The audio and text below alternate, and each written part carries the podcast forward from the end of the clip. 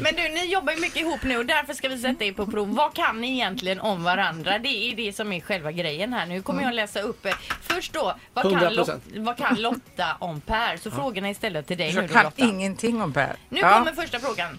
Vilket år är Per född och var?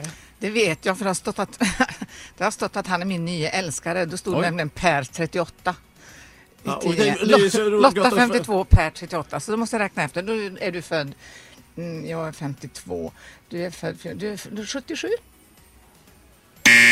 Det, alltså, det stod fel i tidningen. Jaha, Ja, ja, ja. och konjas. Och jag blev så jävla glad så jag vill känna ett år där.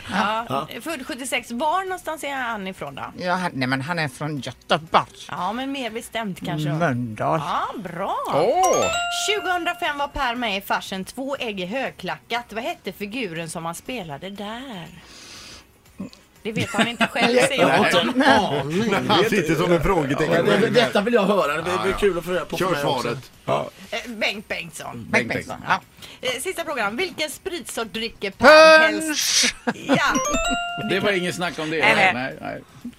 Har men du det till och var med bra. bjudit Lotta på lite punsch kanske? Ja, absolut, men hon dricker bara Jäger. Ja. Vi sitter med varsin flaska Ja, då. vi sitter och det är det Finns som är ju- så bra får man med själv. Finns ju inget godare än rumsvarm Jäger. Eller hur?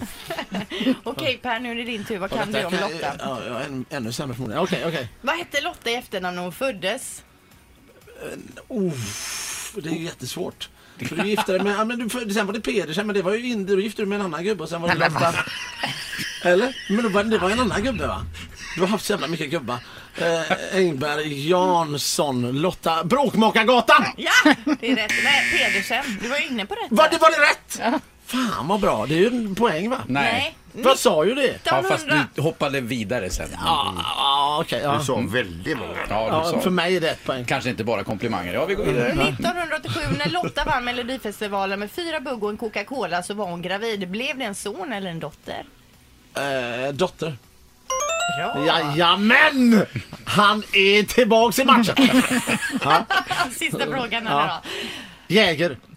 Prakropatarporn är en av Lottas kompisar. Vad har han för yrke?